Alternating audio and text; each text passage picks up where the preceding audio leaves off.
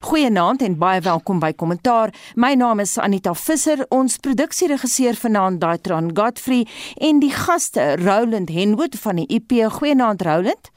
Goeienaand Anita. Theo Venter, onafhanklike ontleder. Goeienaand aan jou. Hallo Anita. En dan uh, goeienaand aan Herman Pretorius van die Instituut vir Rasse Aangeleenthede, maar hy is ook direkteur van die Freedom Advocacy Network en as daar tyd is kan jy ons later bietjie daarvan vertel. Goeienaand en welkom Herman Pretorius. Goeienaand Anita en al die gaste en luisteraars. Meneere, ons het gister op naweek aktueel baie gefokus op die presidentsiële imbizo in die Vrystaat en al die klagtes oor dienslewering daar. Maar dan ook het Diepsloot ter sprake gekom en vreemdelinge haat en so aan. Roland, uh, ons het 'n bietjie vooraf gesels die paneel oor die ander groot stories. Sit dit gou vir ons op die tafel. Ja, ek dink die die belangrike punt as mens gaan kyk die Imbizo, die probleme met regering, maar dan is daar natuurlik 'n groot klomp ontwikkelinge. Daar was baie interessant hierdie die week die missiehoofde beraad wat uh, minister Pandor en president Ramaphosa toe gespreek het. Dan die hele kwessie van beleggings, ekonomiese probleme wat maar net nie weggaan nie en dit het baie belangrike verband met beleidsbesluite. So dis nie iets wat los staan van die politiek nie. En dan natuurlik kyk 'n mens breër die gebeure wat plaasvind um, binne die ANC nog steeds rondom verdeeldheid in die ANC, die naderende leierskapsverkiesing wat kom, mense wat begin posisioneer. Dit is interessant om te sien hoe die die name begin uitkom en die verkiesingsveldtogte begin ontvou en dan gaan kyk ons in die buiteland natuurlik die Oekraïne wat nog steeds die grootste nuusstorie bly en 'n baie groot impak het op alles en almal. En en natuurlik Suid-Afrika se vreemde posisionering rondom die hele Oekraïne konflik. En dan is daar verkiesing in Frankryk op hande wat baie belangrik kan wees. Dit lyk asof daar 'n interessante dinamiek besig is om te ontvou tussen die waarskynlike wenner president Macron maar ook die ehm um, waarskynlike tweede ronde opponent van hom Marine Le Pen wat lyk of sy baie um, vinnig nader aan hom kom in terme van die meningsopnames wat beskikbaar is. So 'n interessante klomp nuusgebeure wat 'n mens kan dophou en wat waaroor mens waarskynlik baie lank kan praat. Mhm. Mm Kom ons begin in Suid-Afrika by Diepsloot. Ons het nou gesien 'n groot gewag word gemaak van Elvis Nyati se groei dood. En ons het uh, gister op naweek aktueel het ons gepraat met Chris Nissen, hy's 'n kommissaris van die MRK en die vraag wat ons aan hom gestel het was sedert Oktober verlede jaar tot nou is 16 Suid-Afrikaners reeds daar vermoor. Daar is nie 'n groot gewag daaroor gemaak deur die MRK nie. Hoekom nie? Maar 'n ander ding wat ek wil onderstreep en ek wil met jou begin Theo want ek weet jy is toevallig in daardie gebied is daar was nou nog 'n voorval van boendo geweld en weer eens is 'n Zimbabweër vermoor en dit is nou in Sikojani buite Giyani in Limpopo en 'n groep mense het hierdie burger uit 'n minibus taxi gesleep hom gedwing om hulle na huis te neem waar hy na bewering ons weet nie wat waar is nie 'n TV-stel stel gesteel het. Polisie het hom gered. Hy is op pad hospitaal toe dood. Nou ek weet jy weet baie oor daai gebeure Theo, maar dit vat daai hele storie weer verder. Hierdie is nie beperk tot Diepsloot nie. Nee, dit is glad nie beperk tot Diepsloot nie en die regering het 'n het 'n blinde kol vir xenofobie. Ehm um, dis baie moeilik vir hulle om te erken dat dit ehm um, oralster gebeur en uh, as ek net so so 'n paar kan noem om aan te vul by wat jy gesê het daar was duidelike tekens van xenofobie in die dorings mm. waar waar mense uit Lesotho versus mense uit Mosambiek en en ander plekke in met mekaar in geveg getree het en dan jou plaaslike bevolking wat hulle deel doen. Daar is duidelike voorbeelde van xenofobie in Noordwes na naby waar ek bly. Ek weet van voorbeelde in Vogwel, ek weet van voorbeelde in Matlosana in die in die Klerksdorp omgewing. Al hierdie goed het met ek met mekaar 'n klein ontwerp in gemeen en dit is de, daar is duidelike verskille tussen ons en hulle as 'n mens nou hierdie konsepte kan gebruik. Hoekom is hulle anders? Wel, hulle praat 'n ander taal. Hulle het ander gedragspatrone. Uh partykeer trek hulle anders aan. So daar's eksterne faktore wat maklik identifiseerbaar is. En wanneer jy in 'n situasie is waar ons nou is in die na-COVID era, in 'n era waarin die ekonomie net eenvoudig nie van die grond af kom nie en waar daar uitgebreide armoede is, dan raak daar 'n skaarsheid van bronne. En as daar 'n skaarsheid van bronne is, dan soek mense redes vir die oorsaak daarvan. En die heel maklikste rede is dat die ander mense, die ander in aanhalingstekens, neem ons werk, neem ons vroue, neem wat aan ons behoort en omdat ons nie meer vertroue in die regering het nie en dit is 'n dis nog 'n dimensie hierin, neem ons nou maar die reg in eie hande. En die reg in eie hande neem het ons nou in diep sloot gesien. Goed wat in die in die 90er jare ehm um, Suid-Afrika voorblad uh, nuus gemaak het wêreldwyd hierdie soort uh, boendo verhore en alsnoermoorde en so meer. En wat 'n mens nou in Limpopo provinsie veral kry, is dit wat Naledi Pandor gesê het vroeër die week dat Suid-Afrika is uniek ten opsigte van die vreemdelinge situasie. Dat ons nie eintlik 'n vreemdeling nedersettings het, refugee camps, kampe het nie, maar ons laat ons mede-Afrikaners toe om te integreer met ons plaaslike gemeenskappe. Dis die positiewe kant daarvan en dit is waar wat sy sê. Maar hierdie integrasie in die plaaslike gemeenskappe het ook sy beperkings en ons sien nou daai beperkings en ek dink daar is van die regering se kant af baie sterker optrede nodig. Wat my so bietjie ehm um, verbaas het was dat Bekkie Cele onmiddellik aangekondig het dat hy 'n groot span mm ondersoekers van in die plekke loslaat dat hulle kan ondersoeke doen. As ek nou vir 'n oomblik terugsit en ek dink nou maar sou hy dieselfde gedoen het met die moorde wat plaasgevind het voor Senekal, sou dit nie dalk verander het nie. Sou hy dieselfde kon doen wat daar wreedaardige moorde was in die platteland wat oor die algemeen bekend staan as plaasmoorde, sou dit nie grootliks gehelp het mm. as uh, deur te sê die regering het daarop hier 'n verbintenis dat hy die saak wil oplos. Jy roer daai pot darm nou. Kom ons gee daai vraag wat jy stel aan ons stel dit aan Herman Pretorius, juis van die Instituut vir Rasse Aangeleenthede. Dink jy Theo maak 'n interessante punt hierso?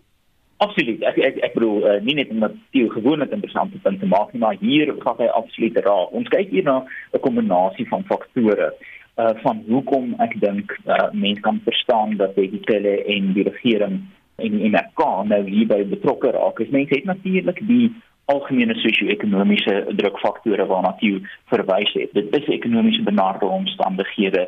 Dit plaas mense onder druk. Dit maak belangeverskuiwinge en die soeke na belangeverskuiwing so 'n versoek vir politici en natuurlik vir mense in die laer en van jou uh, samelewing se sosio-ekonomiese welstand wat swaar kry. En dit is iets wat mens regtig reg oor die geskiedenis sien waar ook al daar mense is en daar swaar kry is, is dit uh, gerieflik en nuttig en dalk ook 'n maatskaplike uitlaatklep om die vinger te kan wys. Deel natuurlik hiervan is die is die probleme met ons grense, deel natuurlik hiervan is die tekort aan opgeleide polisiegetalle, maar ook natuurlik die vertrouensverbreek tussen gemeenskappe en polisiemagte. Maar as mens gaan kyk na hoekom daar nou so vinnig hierop opgetree word, dink ek 'n uh, 'n uh, deel daarvan is dat die buitelander vraagstuk as mense dit so dramaties kan stel. Het oor die afgelope tyd werk politieke kapitaal begin ontsluit. Dit het 'n politieke kwessie geword waar ander uh uh meer gespesialiseerde tipe moorde uh so waarna jy verwys dalk nie daai politieke kapitaal inhou wat die ANC uit op op kan mintslaan nie. Want jy mens kyk na na die die sogenaamde operasie die Dula mens kyk na die EFF se uitlatings hierop mens kyk na action is eise uitlatings hierop met Herman Mashaba wat bekend is vir sy posisie op uh, op die jy weet anti-buitelande situasie. Um, en dan moet mens ook verstaan dat die ANC het uh, wetgewing begin deurvoer en beleid begin in plek stel om sekere sektore um, uh, basies toe te maak vir buitelanders om in te werk. So die ANC voel dit vir my duidelik het nodig om op hierdie politieke brandpunt kwessie wel uitlatings te, te maak, wel betrokke te raak omdat hierdie ander drie politieke entiteite, die DULA, EFF en Action SA so baie hier op politieke muntslaan. As die ANC nie hieroor iets sê nie, as die MRK nie hieroor iets sê nie, hmm. dan word daar die risiko dat die ANC totaal nou irrelevant raak in hierdie gesprek. Dit is nou 'n politieke kwessie waar ander soortgelyke insidente of tipe insidente dalk nie so sterk polities gelaai is nie. Roland, ek wil vir 'n oomblik teruggaan na ons susterprogram Naweek Aktueel. Ons het gister 'n insetsel gehoor waarin daar gesê is 11000 foreigners are in our prisons. There are 11000 of them. En dis nou 'n persepsie van 'n Suid-Afrikaner. Hoeveel van hierdie probleme is geskoei op valse persepsies dink jy, Roland? Ek dink die meerderheid daarvan is geskoei op valse persepsies en die rede is baie eenvoudig. Niemand het regtig 'n idee van wat aangaan hoeveel buitelandse en onwettige buitelandse mense in Suid-Afrika woonagtig is nie, hoeveel inkom nie, waarheen hulle noodwendig gaan nie. En, en ek, ek dink die belangrike hiervan is dat daar's twee dimensies. In die eerste plek is dit 'n leierskapsdimensie, um, en hier wil ek teruggaan hierdie probleem het begin in die tyd van president Mbeki waar hy 'n groot uitval gehad het met ehm um, wat daai tyd die minister van binnelandse sake was Mangosuthu Buthelezi oor 'n konsepwet wat die hele bestuur van buitelanders na Suid-Afrika wou verander, totale nuwe benadering wou volg en die ANC en spesifiek in Bekkie het net eenvoudig geweier om dit eers te bespreek en daai stuk wetgewing het op 'n rak gaan lê en stof vergader. En kort daarna het die probleme in Zimbabwe begin. En die benadering was dood eenvoudig mense wat vlug uit Zimbabwe kan hiernatoe kom. Ons gaan hulle nie registreer nie, ons gaan hulle nie in 'n vlugtelingkamp sit nie ons gaan niks doen. Hierdie mense verdwyn in die samelewing en hulle moet na hulle self omsien. En en dis waar die probleem werklik 'n probleem begin word het in terme van getalle mense wat begin druk plaas het op die stelsel. En dan kom ons by die tweede probleem en dit is die beleids- en regeerprobleem. Ons sit met 'n situasie wat ons geen beheer het nie want ons weet nie wat is die omvang daarvan nie.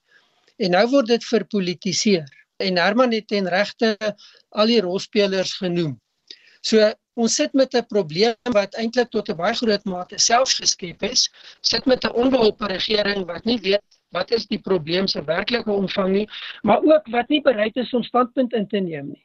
Hmm. En ek dink nie ons moet die belang daarvan onderskat nie. Dis een ding om te sê hoe goed Suid-Afrikaners wat land uitgevlug het onder die vaandel van die ANC en Umkhonto in die bevrydingsstryd hoe hulle ontvang is en gehelp is is iets anders om te sê wat moet in Suid-Afrika gebeur en hoe dit hanteer moet word. Mm -hmm. En daar's die ANC en die regering stil. Maar nou nou moet ons begin kyk na wat beteken dit vir vorentoe. Die druk gaan nie afneem nie want daar's geweldige groot sosio-ekonomiese probleme binne Suid-Afrika. Ehm um, ek wil twee laaste punte hierop maak. Die een is dat ons het al reeds insidente in Suid-Afrika gehad waar minderhede wat Suid-Afrikaners is geteken word. En dis nie onlangs nie, dit het ook 'n lang geskiedenis. Mm. Ehm mm. um, ons sal onthou toe die eerste groot uitbrake van wat genoem is xenofobiese geweld begin het, is mense wat van wende afkoms is in Johannesburg omgewing vermoor, want hulle is gesien as buitelanders. Mm. En dis waar dit baie gevaarlik raak.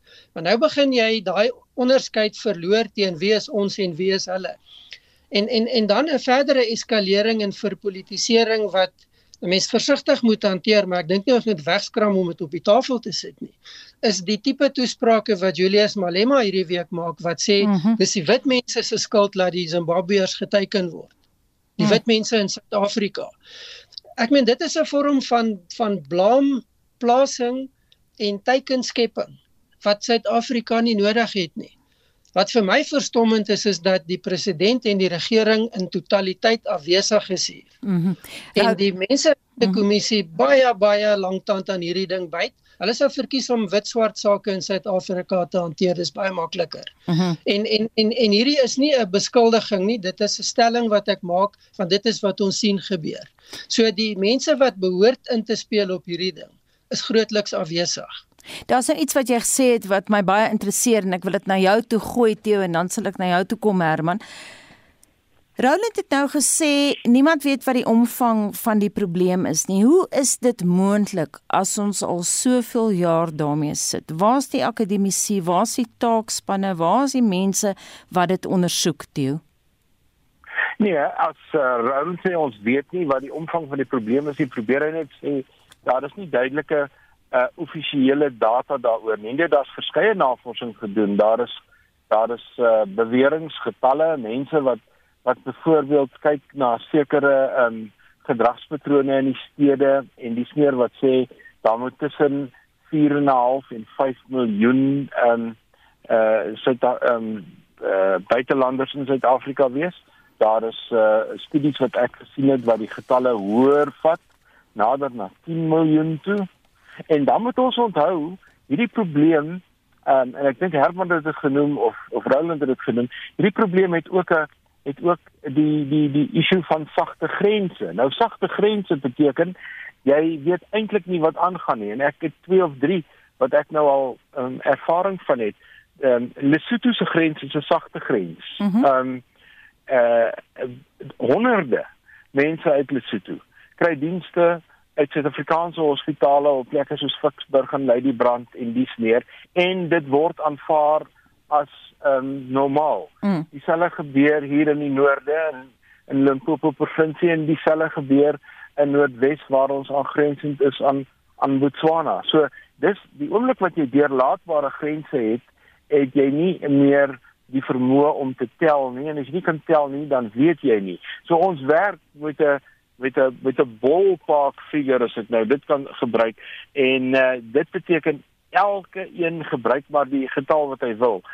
Amptelik het ek gesien dat die regering maak van tyd tot tyd gebruik van die laagste beskikbare getal en ek het al gesien dat hulle praat van 2 miljoen, 2,3 miljoen wat ek dink aanvoelbaar verkeerd is. Mm -hmm. En uh, daarom dink ek wetgewing en pogings om mense wat in Suid-Afrika is op een of ander manier deur 'n formele proses te sit sonder om soos Donald Trump te klink en um, om op een of ander manier beheer te kry oor die situasie soos wat daar nou al pogings was, dink ek is die regte rigting om in te werk um, eerder as om net eenvoudig voort te gaan met 'n totaal ongekontroleerde situasie. Jy luister na kommentaar. My naam is Anita Visser. My gaste vanaand Roland Henwood van die IP, Theo Venter, onafhanklike politieke wetenskaplike en Herman Pretorius van die Instituut vir Rasse Aangeleenthede.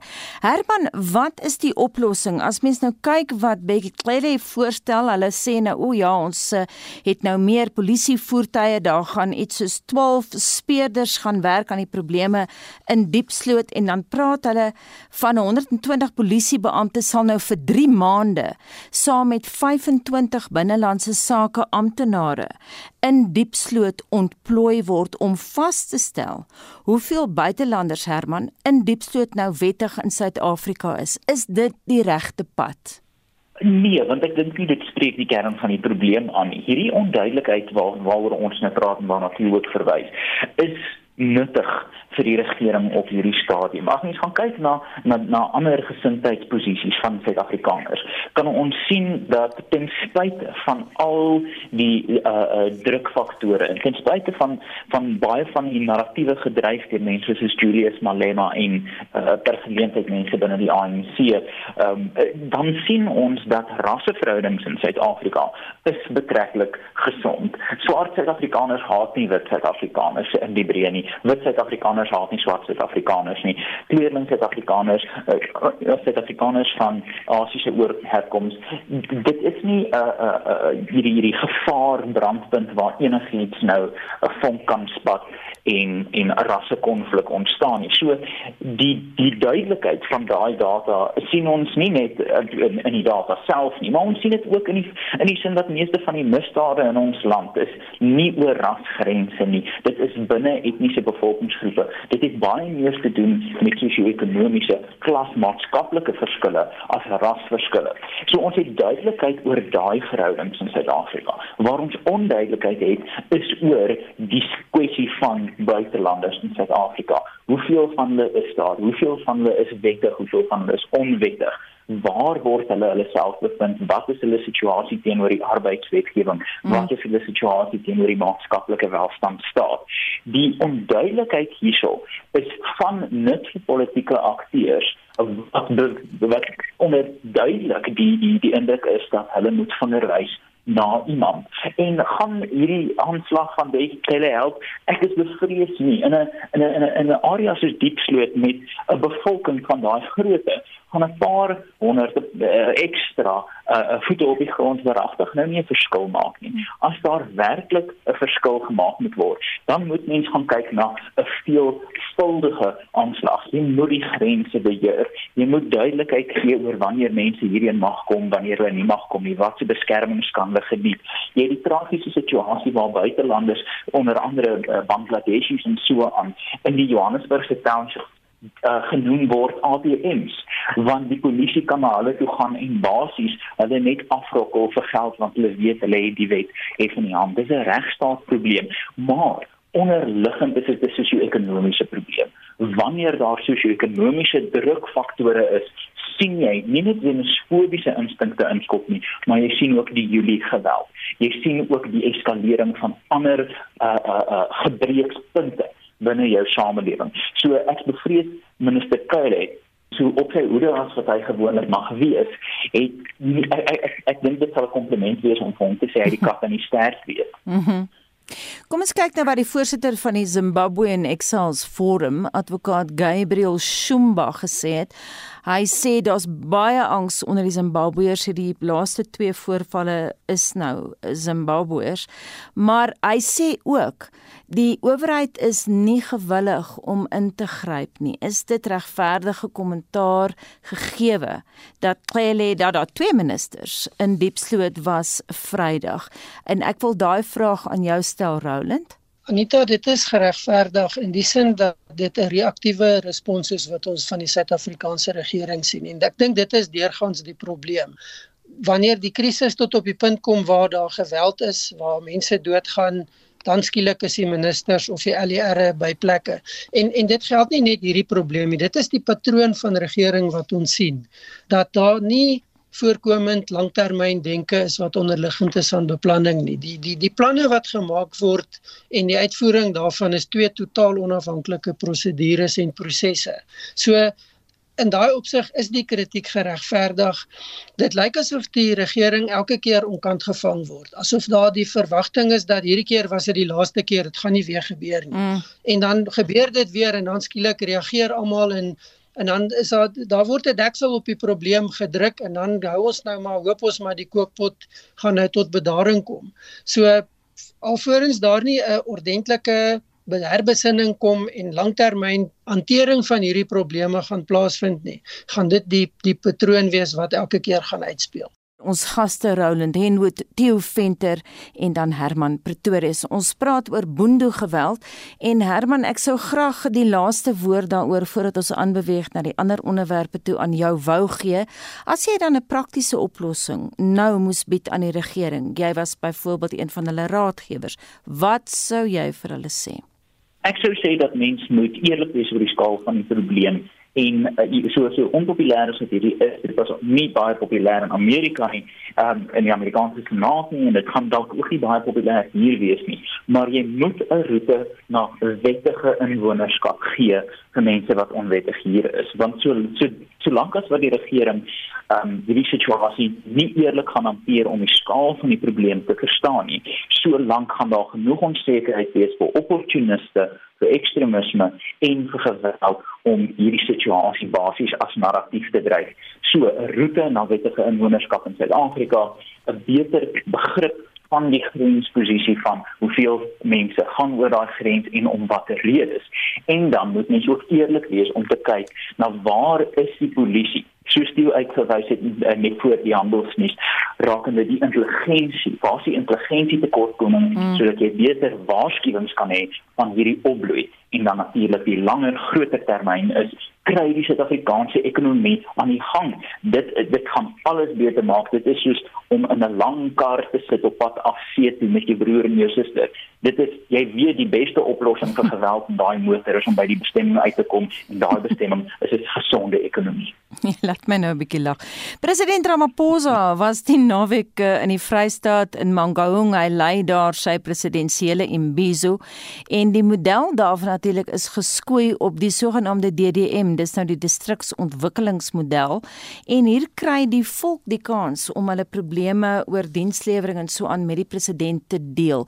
Ek het gister op naweek aktueel met Dirk Kotse gepraat, julle baie erkende en gerespekteerde kollega en vir hom gevra hoeveel nut het so Imbizo. Nou as jy dan nie geluister het na naweek aktueel nie, gaan ek julle nou vra. Kom ons begin by jou Roland. Hoeveel nut het so Imbizo of is dit maar net soos wat een luisteraar aan my geskryf het, dis net nog bla bla bla. Ek dink ons moet gaan kyk na die nut in terme van die doel van die Imbizo en wat is die boodskap wat dit uitdra. En die doel is een van die belangrike metodes om regering nader aan die mense te bring want dis 'n groot probleem in enige staat. Is jou president en die senior leierskap sit baie ver van almal af is besig met belangrike sake en raak afgesny van die gewone mense. Raak ook afgesny van dit wat die gewone mense beleef en ons sien dit baie in Suid-Afrika dat wat regeringsleiers sê en doen heeltemal nie in pas is met wat mense beleef wat op die grondvlak aangaan nie. So die imbiso is baie belangrik om daai kommunikasie te verbeter om geleentheid te skep dat hierdie mense met mekaar kan in aanraking kom en dan probleme direk te rig aan die senior leiers. En en dis 'n ander belangrike aspek dat aan die normale gang van sake is daar te veel hekwagters wat as 'n filter dien tussen ehm um, Piet wat hier op die hoek van die straat bly wat 'n probleem het en die minister wat dit behoort te hanteer. Daai probleem kom nooit by die minister uit nie en en net 'n loopse opmerking dit is hoekom ons sien mense baie maklik oorgaan tot protesoptrede en selfs geweld want dit bring onmiddellik aandag. Hulle sê almal vir jou waar die navorsing hieroor gedoen is, daai optrede het onmiddellik die LER of die minister hiernatoe gebring. So die Imbiso is 'n manier om daai gapings te oorbrug om direkte kommunikasie te bevorder om probleme direk onder die aandag van jou heel senior leiers te bring. Mm. Die probleem is egter dat as jy hierdie geleentheid skep en jy kan nie die probleme oplos nie of jy maak beloftes en dit word nie deurgevoer nie.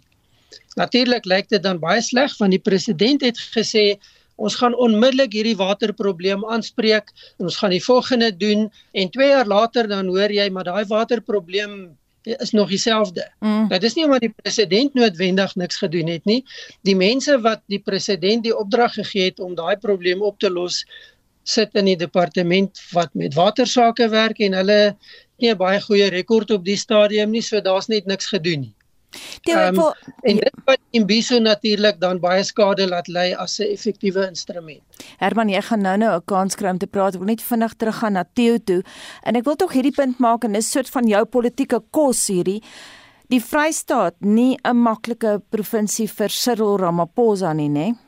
Nee, dit is glad nie 'n maklike provinsie nie, maar ek dink ehm um, daar is 'n paar manne in leierskapsposisies gekom soos onder andere meer die Kwana wat uh, sterk ondersteunend is van Ramaphosa maar die erfenis van Ismagashule en die voetspore van Ismagashule lê groot in die Vrystaat. En ek dink ek moet aansluit by by Roland. En hierdie is die tweede Imbizo die eerste ene was in Noordwes mm. wat ek baie nou gevolg het. En twee goed het vir my uitgestaan. Die eerste ene was van die mense wat opgestaan het om met die president te praat het duidelike blaatante partytetiese intensies gehad en het hom vrae gevra oor die ANC en hulle is eenvoudig daarop gewys dat hierdie is die staatspresident wat praat met die mense. Dis nie die ANC wat praat met die mense nie. Vrae is buite orde. Daar was 3 of 4 sulke vrae elke keer buite orde gemaak. En dan het hy 'n tweede ding gedoen wat my nogal beïndruk het. Op die gehoor het 'n paar ministers gesit wat nou ter sprake was. Wanneer hy 'n vraag kry dan het hy 'n minister uitgewys en gesê jy moet asseblief antwoord dis jou terrein. Mm en dan het hy 'n derde ding gedoen. Ek is maar skepties oor hierdie distriksontwikkelingsmodel. Ehm um, ek sien hulle gebruik die Engelse afkorting DDM wat ja. in Afrikaans sou dit DOM wees ja. wat miskien nou nie so lekker werk nie. Maar die die uh, wat hy wat hy reg kry uh? in hierdie imbizos is om te wys hoe lyk korporatiewe regering?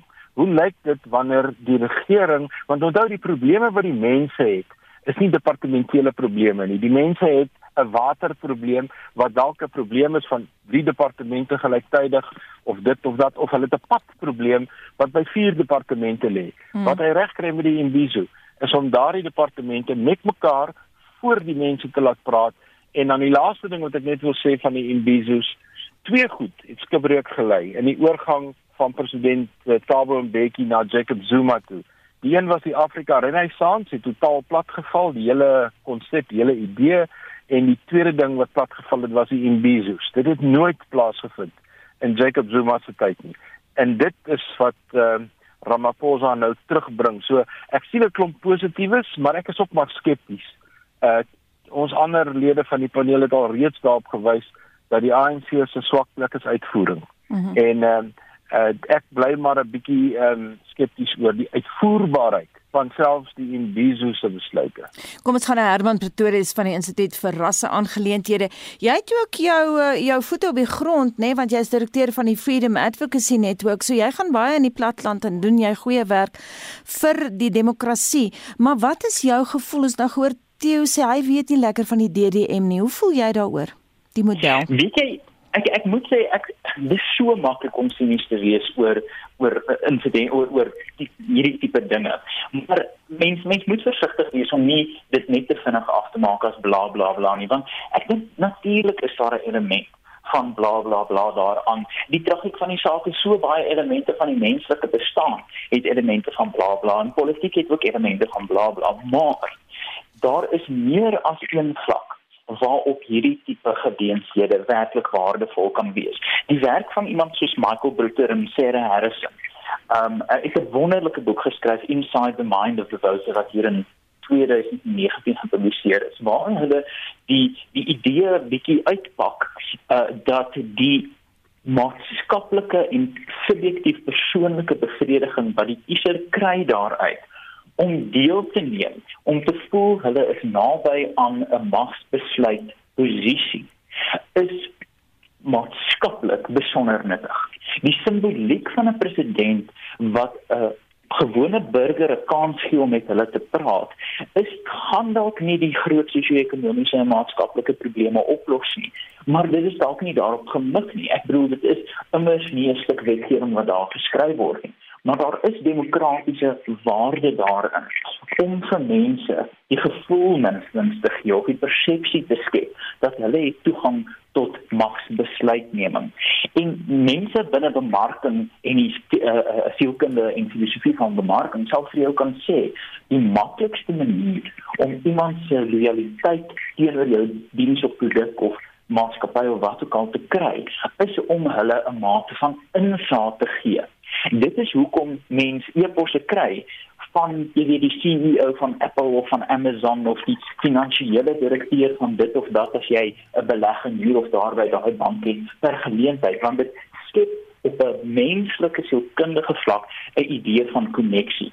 En dit is nie 'n slegte ding vir 'n demokrasie nie. En ons met met die Freedom Advocacy Network, ons sien dit baie van die kwessies wat ons aanspreek is nie groot dramatiese kwessies nie. Dit gaan maar net om 'n paar honderd mense die vryheid en die regte gee om toegang te hê tot die mense in posisies van mag. Gaan dit al ons land se probleme oplos?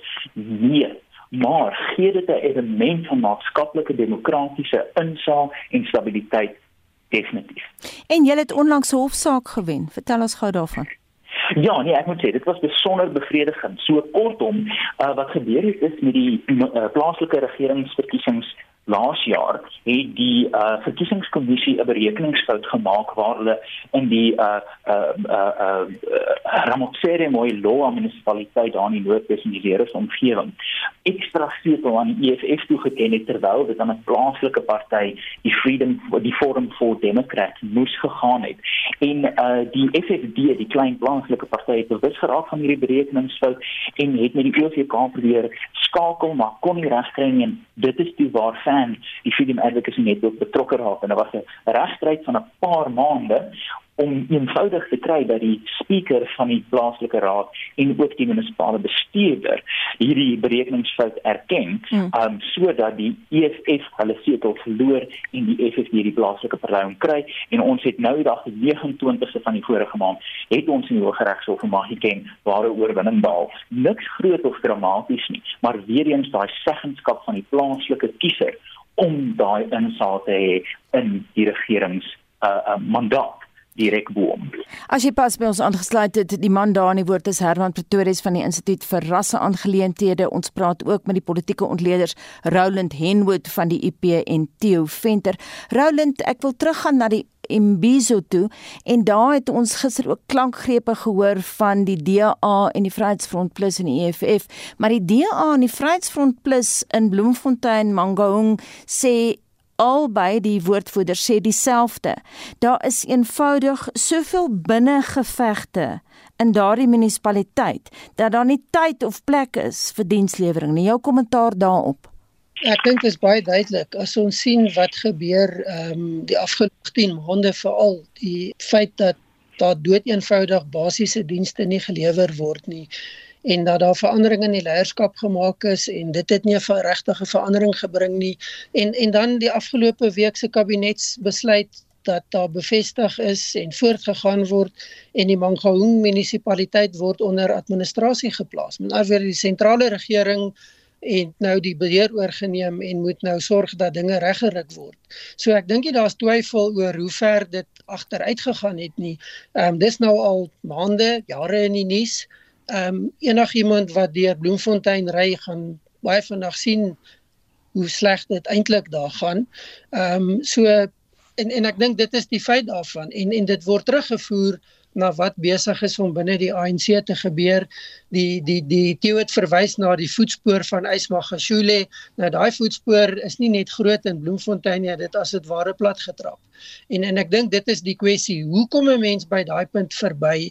En dit lyk asof die tipe veranderinge wat ingekom het na die vorige plaaslike regeringsverkiesing is nie genoeg om daai momentum van agteruitgang te breek nie en is nie genoeg om die dinamika van konflik binne die ANC te breek nie.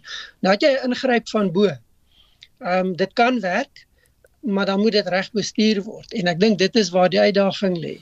Is hoe word dit reg bestuur? Ehm um, wat is die gesindheid van die mense wat jy gebruik?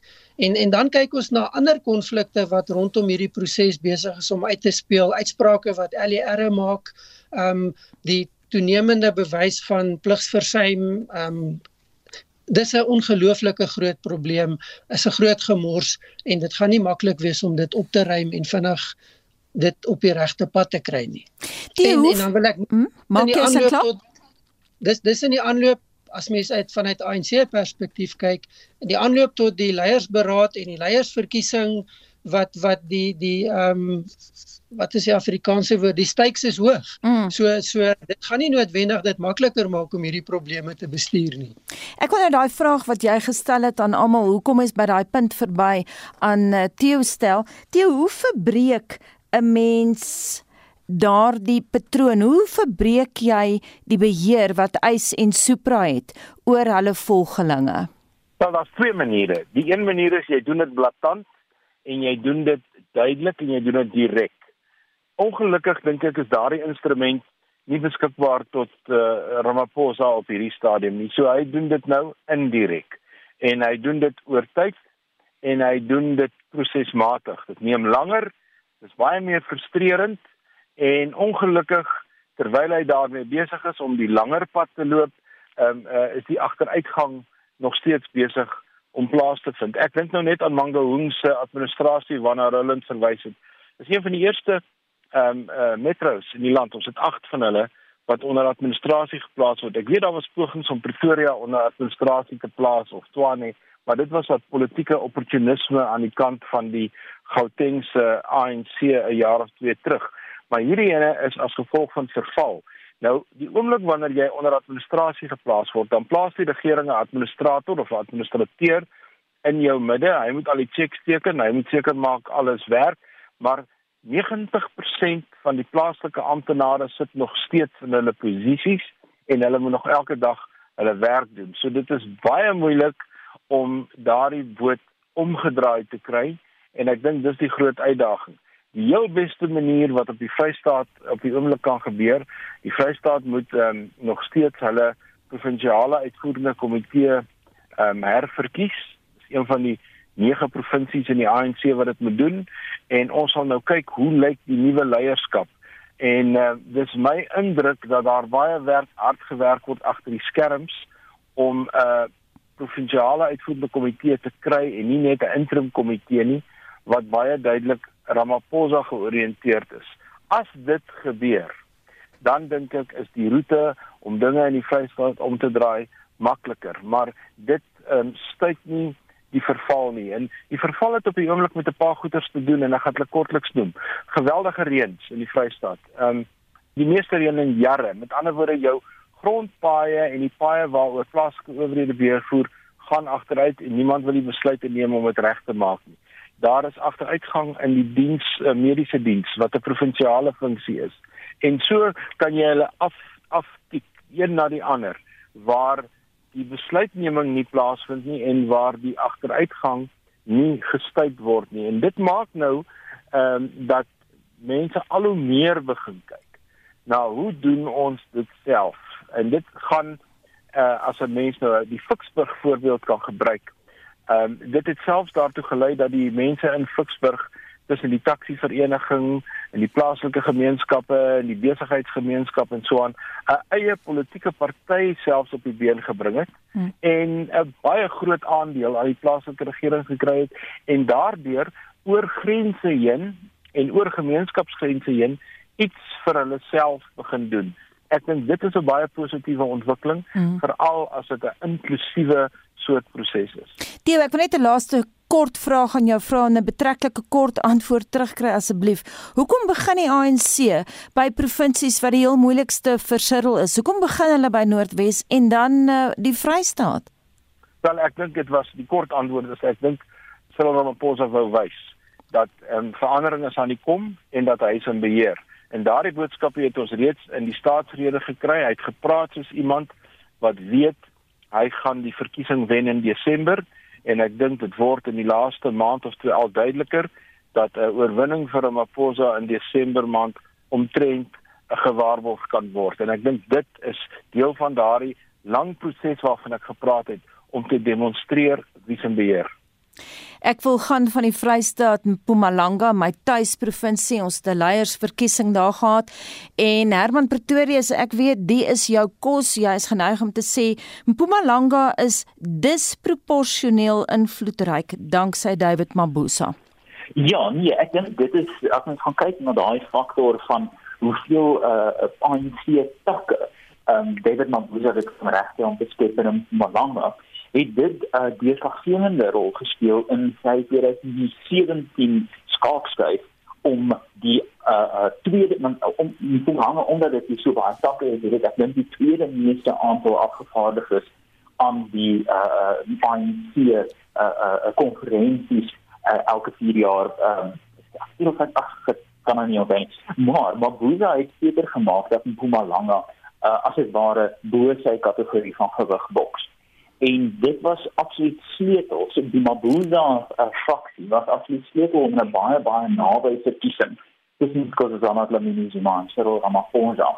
Die basis die momentum agter Ramaphosa te sit. En ons moet ons moet onthou hoe besonder naby daai verkiesing tussen Nkosazana Dlamini Zuma en Ramaphosa was. Mm. en dat dit duidelik is dat meneer Mabuza um, die die wenkaart gespeel het aan die kant van meneer Ramaphosa. En hy kort daarna het hy nog as hy sy politieke spiere gewys en ek dink mense kan prominent onthou die vertraging van die kabinetsaankondiging wat basies neergekom het op meneer Mabuza se vermoë om in Mpumalanga stem te laat tel in sy eie manifestasie.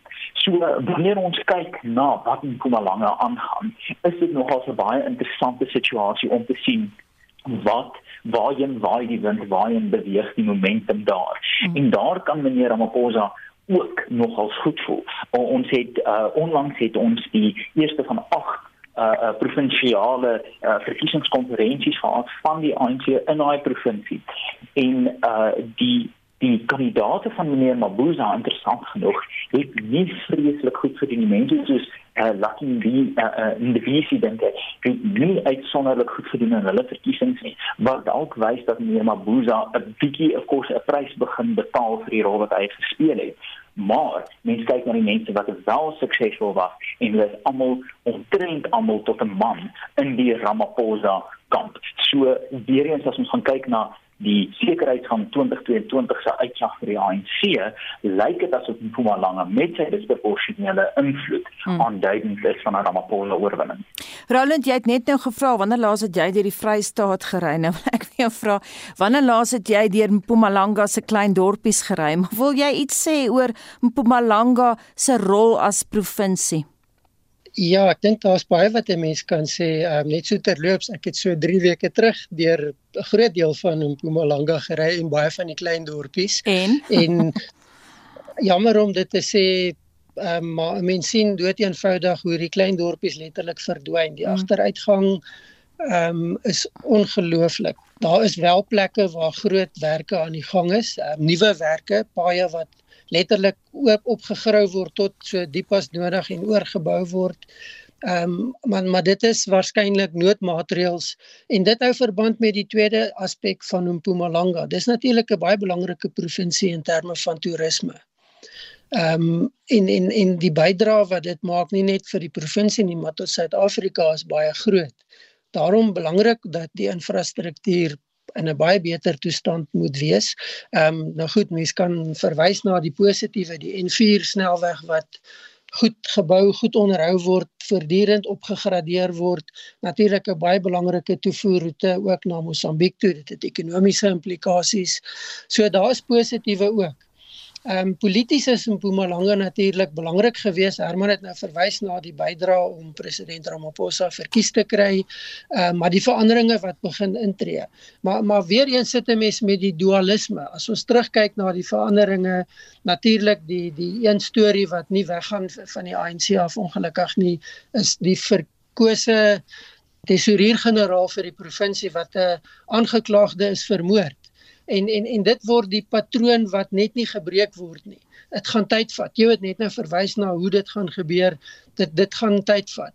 En ek dink dit is die probleem wat jy mee sit. Jy sit heeltyd met hierdie spanning tussen faksies wat op ander plekke wil fokus wat goeie werk wil doen, maar dan sit jy met hierdie groepering wat eie belang dien, wat nie 'n snars omgee vir die reëls nie en wat ten alle koste gaan doen wat hulle wil doen en en dit belemmer die program, dit belemmer die proses en ongelukkig is dit 'n nalatenskap van die adjunkt president. Ehm um, dit dit is die manier van politiek bedryf, letterlik die die die die sindroom van die groot man, the big man wat die provinsie regeer het. Mm. Ehm um, hy was nie die leier nie, hy het regeer. Mm. En en en nou begin daai proses ontrafel saam met dit ongelukkig al die negatiewe wat baie duidelik word. Maar dan sien 'n mens en ek dink dit is die storie wat wat deurlopend begin wys, dan sien jy die positiewe wat begin gebeur, die veranderinge wat stadig inkom. Ehm um, maar dit gaan tyd vat. Aan die woord daar is Roland Denwood van die IP. Ek wil nou kyk na internasionale nuusgebeure en beweeg nou aan na Theo Venter toe. Theo president Ramaphosa het gister op die Imbizo in Mangaung verwys na sy gesprek met Joe Biden. Hy het gesê hulle het saamgestem oor maniere om ontwikkelende lande teen die gevolge van die oorlog te beskerm. Ek praat nou van uh, Oekraïne en daar het ons ook helaas gesien uh, Kramatorsk het 'n missiel aanval beleef en daar is 50 mense dood by 'n stasie. Die Russe sê hulle is nie verantwoordelik daarvoor nie. Ek gaan niks meer sê as dit nie. Maar intussen van 'n plaaslike kant Theo en ek wil kommentaar van jou hê daaroor is dat die hoofsekretaris van die SAKP, Blydensiman, het toe nou gister ook 'n eier daaroor gelê. Hy was in Noordwes en hy was op Stilfontein. Hy het gesê die skuld vir die konflik moet op uh, Amerika en NAVO geplaas geplaas word. Dit is nie 'n oorspronklike siening nie, maar dit ons regtig nodig om dit te hoor in die lig van wat weer eens nou in Kramatorsk gebeur het. Nee, maar wat ons regtig nodig gehad het was in die middel van die week dat Galeva Motlanthe gesê het dat volgens hom is Russiese aggressie die probleem. So daar is ook die stemme van redelikheid binne die ANC wat 'n mens moet hoor. En uh, ek dink uh, Ramaphosa se weergawe van die gesprek tussen hom en Biden is 'n bietjie van 'n gesaniteerde weergawe mm -hmm. oor wat werklik daar gebeur het. Uh Biden het ook daaroor gepraat uh, met die bekendstelling van die eerste swart uh vroulike regter aan die Amerikaanse Hooggeregshof en hy het ook kortliks daarna verwys, maar dit klink vir my asof die Amerikaners met uh met Ramaphosa in kontak gekom het oor die feit dat ons vir die derde keer buitestemming gebly het in die VN en ek dink eh, die Amerikaners is betreklik geïrriteerd met ons posisie met betrekking tot die Oekraïne. En as ek nou Galema met plante kan aanhaal, dan dan dink ek in in sy uitspraak is daar iets van 'n balans wat sê die aggressie is Russiese aggressie. Dat daar vrede gekry moet word tussen die lande, dis 'n noodsaaklikheid. Wel daarmee het niemand 'n probleem nie. Maar ek dink 'n mens moet op een of ander manier jou hakke in die grond kap en sê wie is aanspreeklik hiervoor, dan kan jy verder beweeg. Maar waar die Suid-Afrikaanse regering tans staan, ek dink Roland het aan die begin gesê ons vreemde posisie. Mm -hmm. Ek dink dis dis dis verder as vreemd. Dit is on dis onverstaanbaar dat ons nie daardie konsep van waar het die inval begin of wie het die militêre wat noem die russe dit 'n militêre operasie mm. van stapel gestuur dat ons dit nie eers oor ons lippe kan kry nie is vir my 'n baie groot swakheid in ons buitelandse beleid en ek dink ons gaan oor oor tyd gaan ons 'n politieke prys betaal daarvoor. Herman Pretorius, ek weet jy hou van 'n goeie klankgreep wat jy altyd in konteks plaas. Gister het president Zelensky aan die BBC gesê ons het meer internasionale hulp nodig. Hy het ook verwys na wapens. Ons weet dat die Russe het hulle weermag 'n klomp veranderings daaraan gebring. Generaal Alexander Dovonnikov gaan nou beheer neem wat Oekraïne aanbetref. Maar dit is interessant Zelensky het gesê ons kry nie die wapens wat ons nodig het nie. En toe 'n klankgreep wat ek dink Herman jy baie van sal hou. Baie eenvoudig het hy gesê we are defending the right to live. Ja, nee, kyk, ek moet sê as daar een ding is wat president Zelensky wêreld gewys het, is hoe jy die sogenaamde lugoorlog voer. Elke oorlog het 'n uh, propaganda oorlog, jy weet die die publieke persepsie. En wat president Zelensky eenvoudig 'n uh, honderdtal op geslaan het en nog steeds met 'n kolf in die hand by die grens uh, of by die kolfkampie staan, is sy vermoë om die wêreld se simpatie aan die kant van Oekraïne te kry en dit hoogs effektief te doen. 'n goeie toets vir 'n militêre konflik is altyd om te toets of om te vra wat gaan gebeur as watter kant ophou veg. As Oekraïne ophou veg, dan word die Oekraïense landgebied opverdeel. Rusland kry waarskynlik 'n groot deel daarvan en uh, en en westelike Oekraïne word dalk uh, skaduwee van wat die land eens was. As Rusland ophou veg, dan gaan ons terug na toestand van vrede. Dit is altyd 'n baie baie nuttige klein, jy weet, steektoets om te sien wat gaan hier aan in watter rigting vloei aggressie en wie is die werklike aggressor. Maar ons moet ook hierso verstaan dat deel van die Oekraïense posisie en president Zelensky se se se veld tog in in westerse demokratieë is om ek dink die aggressie van Rusland te oordryf. Mense hoor baie keer dat hy gaan nie op dat Putin hy die groot bose hy nie gaan ophou met by Oekraïne nie. Maar ek dink mense moet dit sien in die konteks van wat dit is en dit is Oekraïne wat desperaat poog om buitelandse hulp te kry want ek dink ons kan almal na die situasie kyk en besef Vladimir Putin is 'n nasionalistiese etniese rus waar ook al daar etniese taal eh, Russies sprekende mense is, daar wil hy Russiese invloed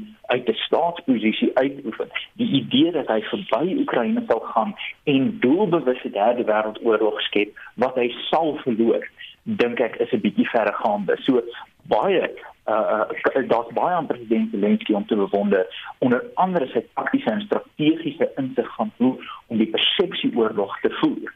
Maar daai vraag van wie is die aggressor is nie die enigste ding wat ons moet oorweeg nie. Ons moet ook sien dat Oekraïne het ook belange daarbey om hulle situasie slegter te laat klink as wat dit is en Russiese aggressie wat duidelik die bron van hierdie konflik is 'n bietjie op te blaas vir daai bystand vanaf die westerse wêreld. Ek wil aanbeweeg van Kiev of soos wat die Oekraïners dit uitspreek Kiev na Parys toe en nou gee ek die bal aan na jou toe Roland. Daar is tans 'n 5 punt verskil tussen uh, Marine Le Pen en Macron. Wie dink jy gaan die uiteindelike wenner wees? Want dit is dan nou al Le Pen se derde probeerslag om president te word, né? Nee? Probeerslag en waarskynlik die beste kans, maar dis nog steeds 'n buitekans. Ehm um, alhoewel sy baie vinnig baie nader gekom het deur haar strategie en haar benadering tot die verkiesing heeltemal te verander, weg te beweeg van dit wat haar eintlik polities 'n leier gemaak het en en, en haar baie nader te bring en en wesenlike bedreiging in te hou vir president Macron, is dit waarskynlik dat hy nog steeds die eerste ronde sal wen, maar waarskynlik ook uiteindelik in die tweede ronde die meerderheidsstem sal kry.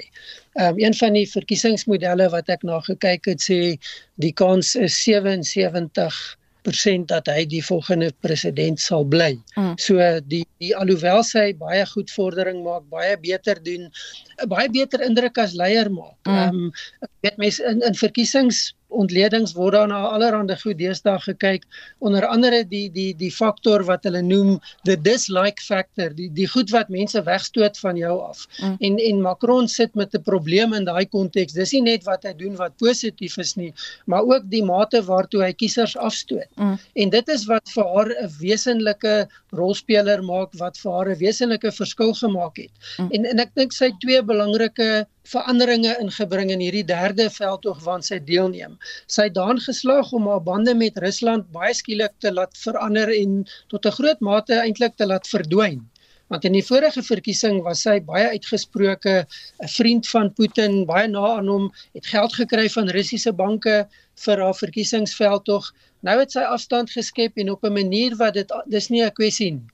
En dan die tweede belangrike punt is hy het haar verkiesingsveld toe gefokus op brood en botter sake. Mm. Die lewenskoste kwessie wat 'n baie groot vraagstuk nou in Frankryk is, reg oor Europa, maar ja. Frankryk is verkiesingskwessie, die hele ding van inflasie, ehm um, en en dan twee goed, Macron het aanvanklik nie werklik deelgeneem aan die veldtog tot nou toe nie. Sy strategie was om wanneer die eerste ronde verkiesing verby is, gaan hy groot inbeweeg. En toe hy dit het om amper duur te staan gekom. Um, hy was nie sigbaar nie en dit het die indruk geskep hy gee nie om nie. Mm. Hy's te besig met met met sy onder onderhandelinge met president Putin en en dit het nie goed afgegaan nie die feit dat hy die aftreeouderdom wil hoër maak as wat dit is, dit is iets wat 'n groot um, omstrede kwessie geword het. En Le Pen het baie mooi ingespeel op hierdie goed en daan geslaag om haarself aan te bied as 'n leier wat omgee. Sy's nie meer hierdie regse radikaal en fanatikus wat sy vooruitgemaak is nie. Sy's ook baie duidelik dit gestel dat sy nie meer wil uittreë uit die Europese Unie uit nie. Mm. Sy gaan binne die Unie bly. Dis natuurlik een van die groot sukses faktore in in in Macron se verkiesing en leierskap gewees is sy Europese verbondenheid. So 'n interessante verkiesing, um, maar waarskynlik een wat Macron behoort te wen. Ons sal moet sien hoe dit gaan uitspeel. Roland, ons sal moet haltroep daar gaan nie tyd hê om die ander te vra oor die Franse verkiesing nie, maar dit is natuurlik net die eerste ronde nou, daar volg nog 'n tweede ronde. Ek wil baie dankie sê aan my gaste vanaand. Theo, baie dankie vir jou insette. My plesier. En dan Herman Pretorius, baie dankie vir jou deelname. 'n Voorreg en 'n vreugde soos altyd. En laasens maar net die mense in Roland Henwood, baie dankie vir al daai navorsing en jou hulp. 'n uh, Groot plesier, dankie Anita.